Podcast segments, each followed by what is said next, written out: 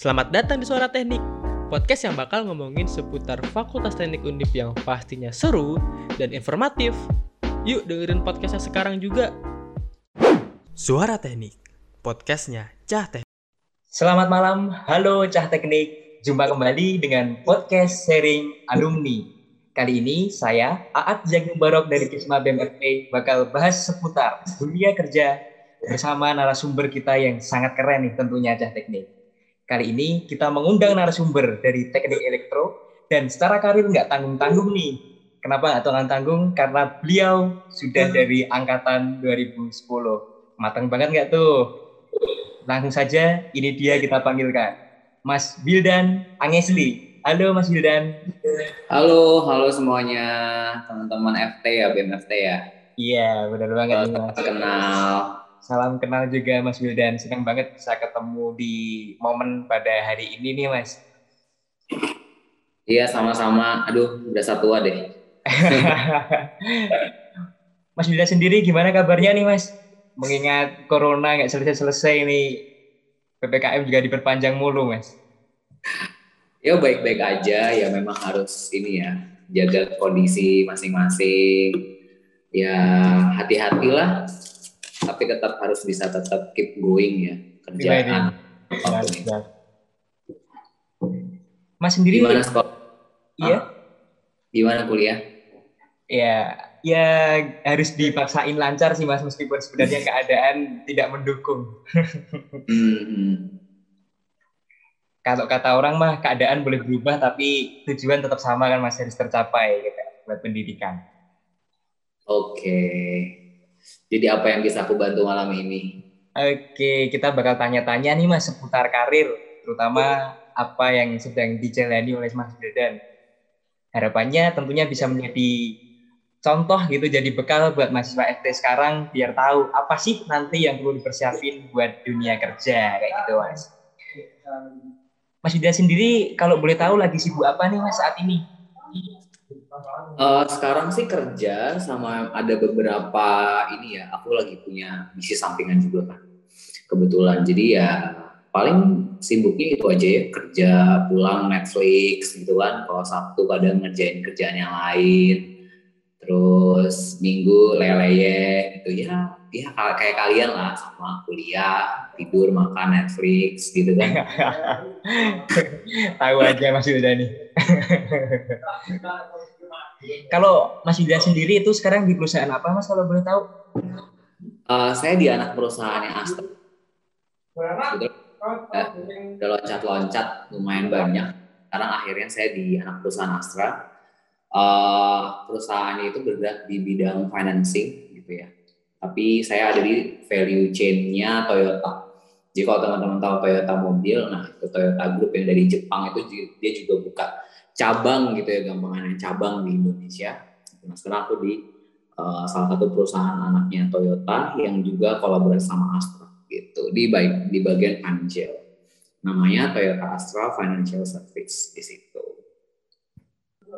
Oke, kalau itu sendiri sebenarnya berkaitan erat nggak mas dengan jurusan mas waktu kuliah? Di oh, tentu tidak.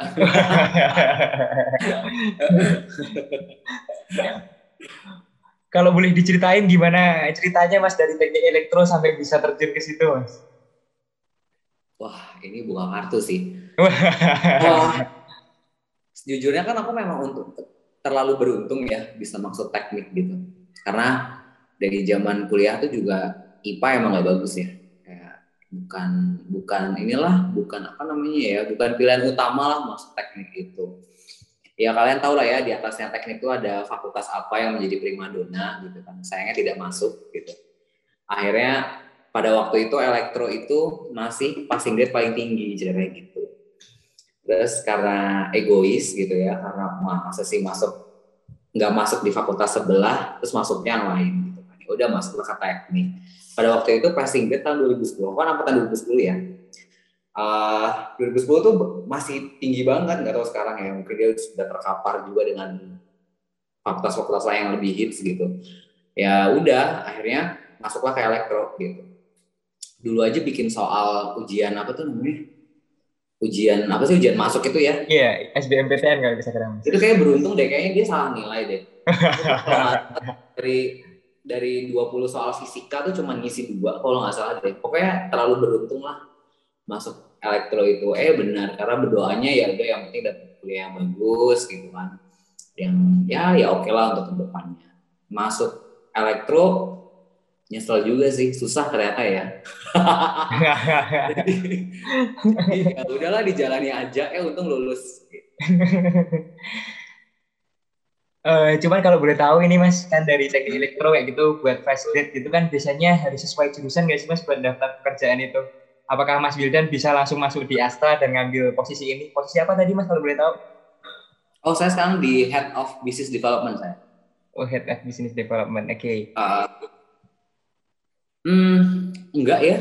Eh menurut aku sih gini ya, kuliah itu tuh cuman buat administratif gitu kecuali kalau teman-teman memang maunya ambil yang uh, satu satu apa ya sesuai dengan jurusan gitu. Misalnya kalau kayak arsitek pengen masuk ke bidang arsitektur juga desain interior. Atau misalnya teman-teman mesin mau masuk ke manufaktur atau elektro yang bagian arus kuat mau masuk ke PLN gitu. itu itu sangat berguna. Ilmu itu sangat berguna. Cuman mungkin underlyingnya basis utamanya kalian bisa kerja itu adalah otak gitu. Otak itu logik, logika ya, logik gitu. That's why kenapa uh, kalian kalau misalnya pernah baca ya ada uh, apa namanya 30% CEO yang ada di dunia ini itu sebetulnya orang engineering. Jadi kan harus bangga sama menjadi anak engineer. Karena yang dipakai dari sebuah company itu adalah logiknya. Gitu. Bukan masalah pengetahuan kalian. Pengetahuan itu juga bisa di dibaca gitu. Kayak buktinya saya nggak bisa fisika tapi nyatanya bisa lulus aja dari teknik gitu. Karena apa ya? Karena yang penting otaknya jalan aja gitu dan kalian menggunakan logic itu untuk mengerjakan kuliah-kuliah ataupun kerjaan nanti. Gitu sih. Jadi okay. no matter ya, tergantung kalian mau milihnya seperti apa nanti kerja. Tapi dulu aku juga udah coba, aku dulu juga udah coba engineering masuk, tapi kayaknya it's not my thing. Oke, menarik sekali Mas. Terutama buat kayak saya-saya ini yang udah masih semester 5 nih Mas. Ngerasa salah jurusan, tapi kalau mau pindah udah telat. Kalau mau lanjutin kok ya rasanya berat kayak gitu Mas. ini kalau boleh tahu jurusan apa semua di sini? Ini ada dari macam-macam sih Mas. Kalau aku sendiri dari teknik kimia Mas. Oh, teknik. Ya, ini ada dari teknik elektro tapi katanya masih terkendala jaringan buat join Mas. Oh oke, okay. berarti uh, Aat ya tadi ya? Iya betul. Apa zat panggilannya? Aat mas. oh kamu tagging. Berarti yang lainnya banyak juga ya teknik-teknik lainnya ya? Iya. PWK, industri gitu ya? Ya bagus kok. Gitu. Oke, lanjut lagi ya mas ya. Mungkin di posisi yang mas tempatin saat ini itu hmm. uh, sistem kerjanya bagaimana sih mas? Hmm, kerjanya ya uh, kerjanya itu kalian akan di gini di dalam dunia kerja apa pun posisinya kalian itu akan di challenge untuk bisa berkontribusi gitu lah kalau kalian ngomong misalnya kalian di BMFT itu kalian juga kontribusi untuk bikin acara kontribusi sosial kontribusi ke internal BM kalian seperti itu. Tapi uh, mungkin yang lebih jauh daripada satu perusahaan atau organisasi kerja ya kalian itu diminta untuk bisa kontribusi dalam hal menyumbangkan ide-ide kreatif gitu ya atau ide-ide yang bagus yang sejalan dengan strategi perusahaan gitu. Misalnya perusahaan aku gitu. Perusahaan aku adalah uh, financing Toyota. Bagaimana caranya untuk membuat market Toyota itu lebih besar gitu. Nah, kalian di situ diharapkan memiliki ide-ide yang bagus. Nah, itulah gunanya uh, apa ya? anak-anak kuliahan gitu ya masuk ke dalam dunia kerja gitu. Mereka diminta untuk bisa memberikan ide. Jadi that's why kalau orang bilang zaman dulu kan sering banget soft skill itu lebih bagus daripada hard skill gitu kayak tadi pertanyaan kamu apakah kepake ilmu fisika, kimia, kalkulus gitu kan gambar teknik atau apa pun itu namanya berguna nggak sih sebetulnya gitu ya bergunanya adalah untuk membuat otak kita itu lebih aktif sehingga ketika dituntut untuk mendapatkan ide-ide kreatif itu mudah gitu. Kalian udah terbiasa gitu. Mencari root cause gitu kan. Biasa kan anak teknik gitu ya troubleshooting. Yang anak computer science kenapa ini kok diklik nggak bisa keluar? Ya kalian akan cari tahu kenapa masalahnya. Kenapa bahan kimia ini dicampur sama ini kok reaksinya jadi seperti ini gitu kan. Kalian akan mencari tahu root cause itu. Nah root cause itu yang paling penting di dunia kerja. Jadi kalian tahu akan oh masalahnya ini kita bisa support untuk membuat idenya juga ini.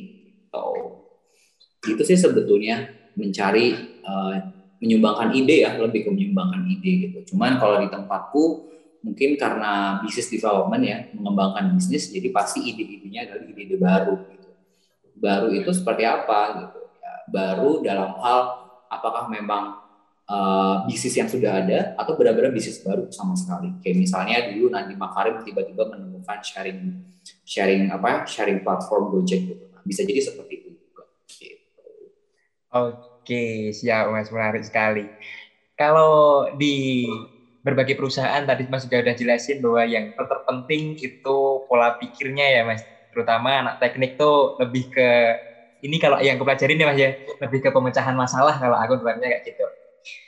Mas sendiri kan ini udah hmm. di jabatan yang bisa dibilang tinggi ya Mas ya head of tadi apa head and development business ya gitu. Nah itu Mas sudah berapa lama sih Mas di posisi tersebut dan juga Mas sudah berapa lama kerja di Astra itu sendiri Mas? Hmm, aku di posisi ini tuh dua tahun. Oh. Kerja di Astra berarti tahun ke ini enam ke tujuh ya berarti enam ke tujuh enam ke tujuh. Aku tuh aku tuh lulus 2014, 2015 masuk ASA. Iya, berarti ini tahun 6 ke 7. Anniversary tahun ke-6 bulan Agustus kemarin. Jadi ini 6 jalan 7. Oh, berarti emang dari awal dulu lulus kayak gitu, baru perusahaan lain terus langsung perusahaan ini ya Mas ya, kayak ganti-ganti ya gitu. Hmm. Sebetulnya ada sebelumnya satu. Aku dulu masuk ke Slumbergy, kalian pasti tahu kan?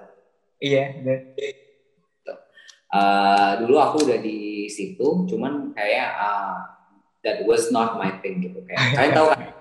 Kalian nih kayak masuk ke kuliah terus kayak ini bukan kampus gue deh gitu. Nah ini kayak bukan tempat kerja yang gue pengen deh.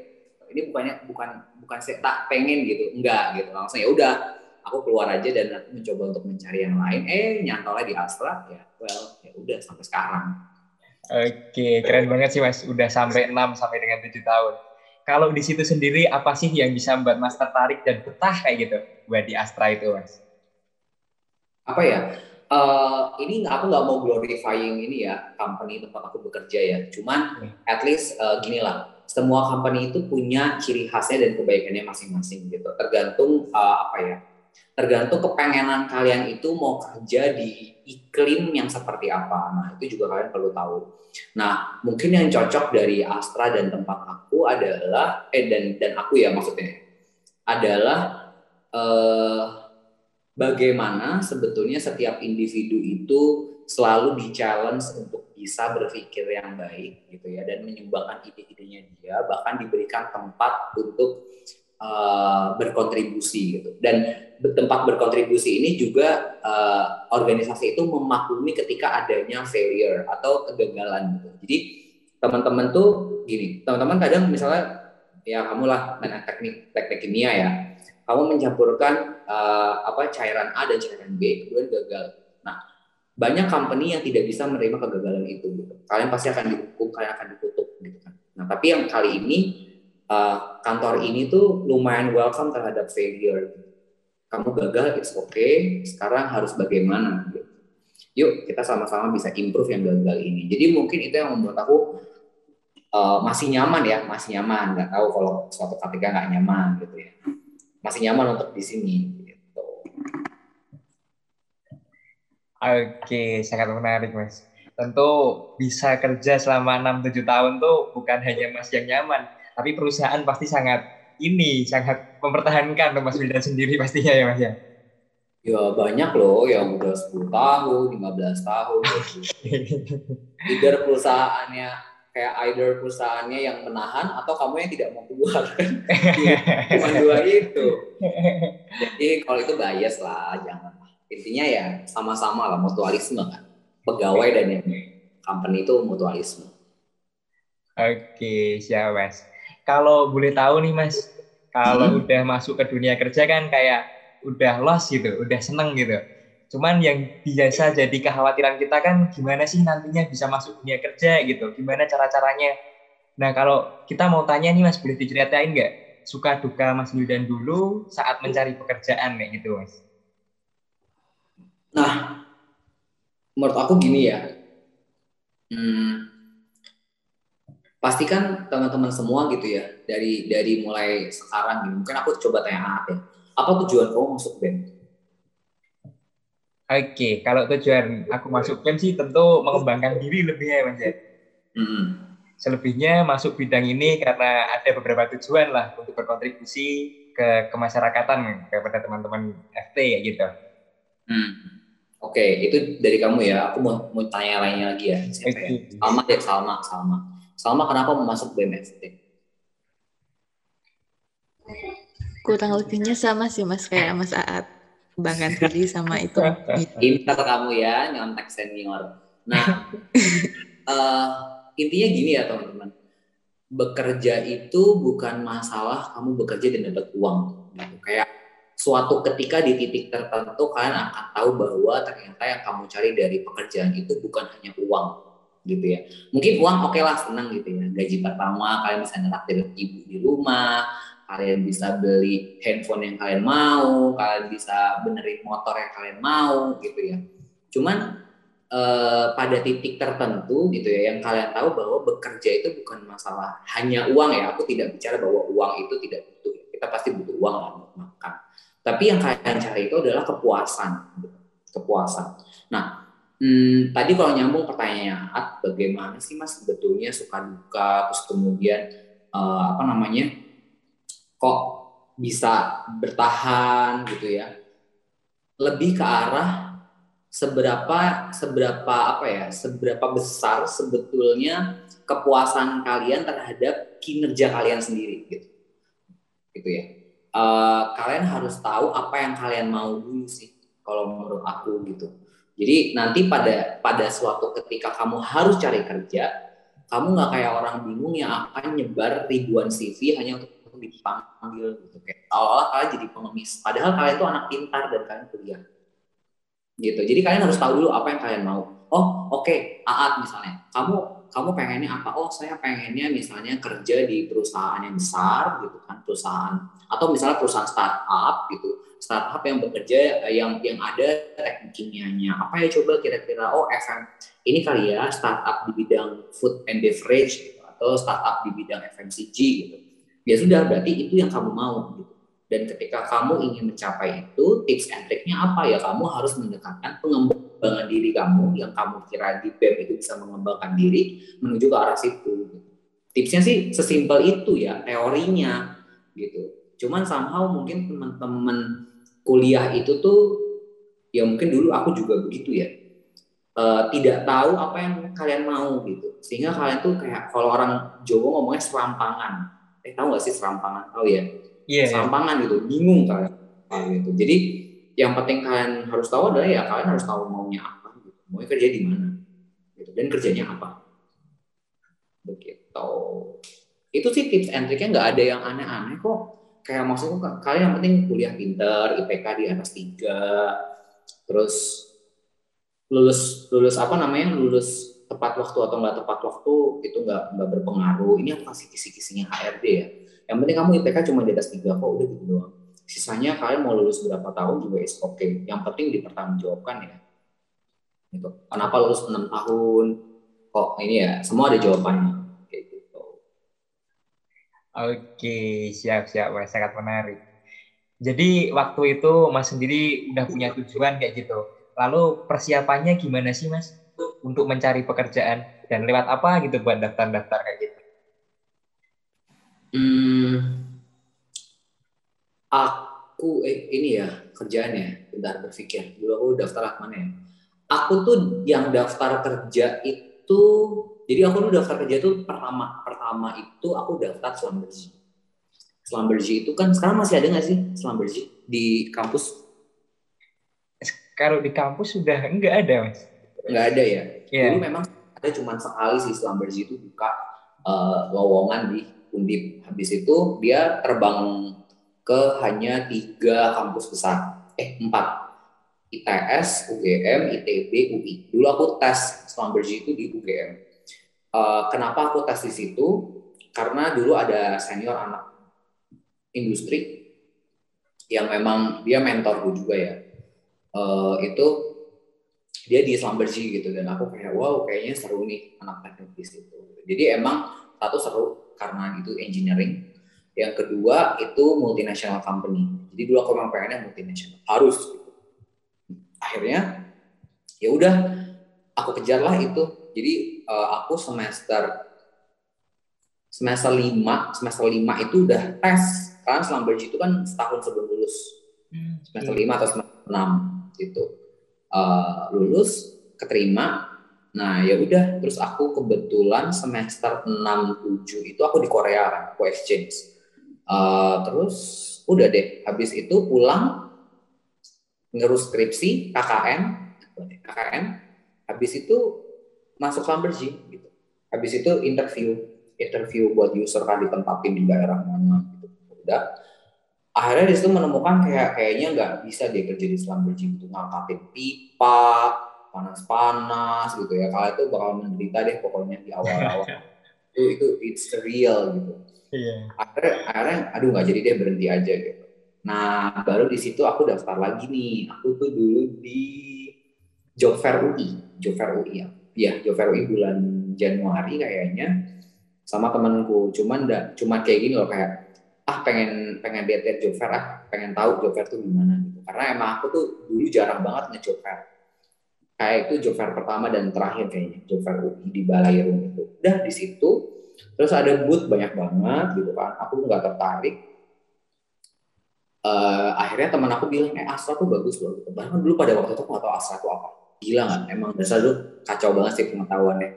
Nah tapi mungkin highlightnya adalah teman-teman mungkin mulai dari sekarang tahu gitu perusahaan apa yang teman-teman kira-kira akan bidik dari sekarang. Dan aku salahnya adalah dulu kepincutnya tuh cuma sama Schlumberger gitu. Sama satu tuh Chevron gitu-gitu ya. Cuman udah dapatnya Schlumberger duluan. Jadi kepincut dan akhirnya memang benar-benar mata kuda aja nggak akan lain salah sih sebetulnya. Teman-teman mungkin harus create yang lebih bagus ya. Sekarang kan informasi juga banyak. Jadi plan A-nya apa plan B-nya apa gitu. udah gitu aja plan A apa plan B apa. Masalah kalian mau apa namanya sekarang tuh kan uh, virtual job vacancy banyak ya. Kan dari job street dari LinkedIn dari apa banyak. Ya udah main di situ aja gitu. Banyak-banyak lihat di situ. Karena even sampai seumuran aku sekarang kalau misalnya cari kerja pun kita akan balik ke platform-platform itu Oke, ya mas, keren keren banget mas. Sebenarnya apa yang mas jelasin ini pun bisa cukup memberi insight baru buat kita mas. Terutama biar bisa punya target jelas ya gitu. Dan ya pengalaman selama ini banyak yang mengeluh tidak diterima gitu. Karena emang serampangan mas. Dia nggak punya tujuan yang pasti ingin ke mana gitu. Dari pengalaman tanya-tanya ke mas mbak yang lain kayak gitu. Oke okay. Uh, ini dari teman-teman fakultas teknik sendiri kan udah dikasih tahu banyak nih mas terkait gimana caranya ntar mempersiapkan diri kayak gitu sebelum masuk di dunia kerja terutama hmm. tujuan itu tadi. Lalu terkait hal ini mas sendiri punya pesan nggak mas atau harapan buat kami ya gitu agar nggak nyesel nanti nantinya gitu? Apa ya? Uh, karena ini era digital ya mungkin kalian ini ini ini tips in general ya aku melihat coba kayak melihat mangsa pasar nanti ke depannya akan seperti apa uh, yang pertama karena banyak exposure ya sekarang kali teman-teman kan main Instagram, TikTok dan apa pun semua platform itu membuat teman-teman tuh jadi kadang lupa ya apa yang kalian mau, apa yang kalian suka, apa yang kalian butuhkan gitu. Karena kalian terlalu banyak exposure di dunia-dunia itu. Uh, lebih aware aja gitu terhadap kalau aku bilangnya sih self calling ya. Jadi kamu maunya apa? Kamu maunya apa? Kamu butuhnya apa? Tuh kamu harus tahu gitu. Jadi uh, basic itu yang akan membentengi teman-teman untuk mengatur hidup ke depannya seperti apa, atau merencanakan kehidupan seperti apa. Karena biasanya kalau tidak punya landasan itu gitu ya basis itu teman-teman akan satu gampang panas. Temennya ngelakuin A kamu pengen juga A. Temennya B kamu pengennya B. Temennya C kamu pengennya C.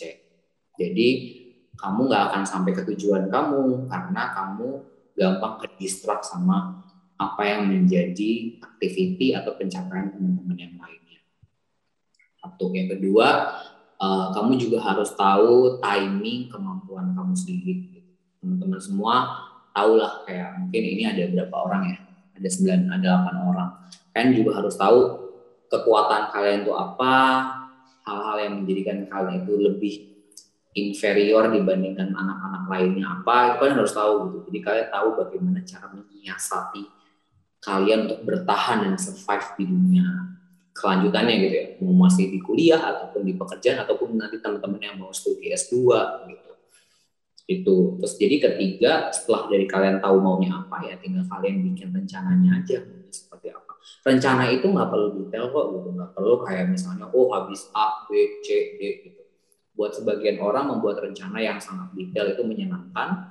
Buat sebagian orang membuat rencana yang tidak detail itu lebih enak gitu karena lebih longgar jadi intens dari otaknya juga tidak terlalu berat jadi mana yang mana yang paling nyaman buat kalian ya lakukan lah tapi at least kalian tahu gitu kalian untuk ke depannya mau ngapain. Misalnya oh lima tahun lagi aku pengen ini. Uh, oh tahun depan aku pengen kerja ya kerja di Gojek gitu misalnya. Aku pengen tahun depan kerja di Grab di OVO atau di mana lagi tuh di uh, Unilever di mana gitu. jadi kalian tentukan itu. Sehingga apa yang kalian lakukan sekarang akan mengarah ke situ dan ketika ada orang yang ingin mencoba untuk mendistrak kalian ya kalian tetap teguh pada pendirian kalian untuk bisa sampai ke situ nggak gampang iri panas jadi kalian nggak akan limpung gitu nggak akan nanti nyebar CV semua di job dipencetin gitu apply apply apply apply apply nunggu panggilan yang kalian bahkan kalau dipanggil nggak tahu nanti itu dipanggil dari perusahaan apa dan apply-nya untuk apa itu banyak banget yang gitu. temen aku pun banyak gitu. jadi fokus gitu. Oke, sangat menarik sekali, Mas. Dari apa yang barusan disampaikan, ditambah dengan tadi pesan-pesan yang disampaikan Mas juga, bahwasanya kuliah ini sebenarnya administratif, kayak gitu ya sih Mas tadi, Mas? Yes, betul. Nggak usah kalian terlalu perfeksionis idealis di kuliah itu. Oke, okay. oke. Okay. Semoga pesan dan juga harapan serta segala macam yang udah di Mas Wildan sampaikan di sini bisa bermanfaat buat kami seluruh mahasiswa Fakultas Teknik. Oke, Cah Teknik, uh, semoga apa yang menjadi cita-cita kalian dapat terrealisasikan dan ilmu pada kesempatan kali ini bisa bermanfaat untuk kita semuanya ya. Amin. Baik, berhubung semua pertanyaan sudah terjawab, kami juga akan mendapatkan banyak insight baru dari obrolan hari ini dan sangat bermanfaat. Terima kasih Mas Wildan atas kesempatannya udah mau sharing bersama kami. Sama-sama, thank you juga. Oke, sekian Cah Teknik untuk episode podcast kali ini. Saya Aceh Barok dari Kisma BMFT, pamit undur diri. Sampai jumpa di episode podcast selanjutnya.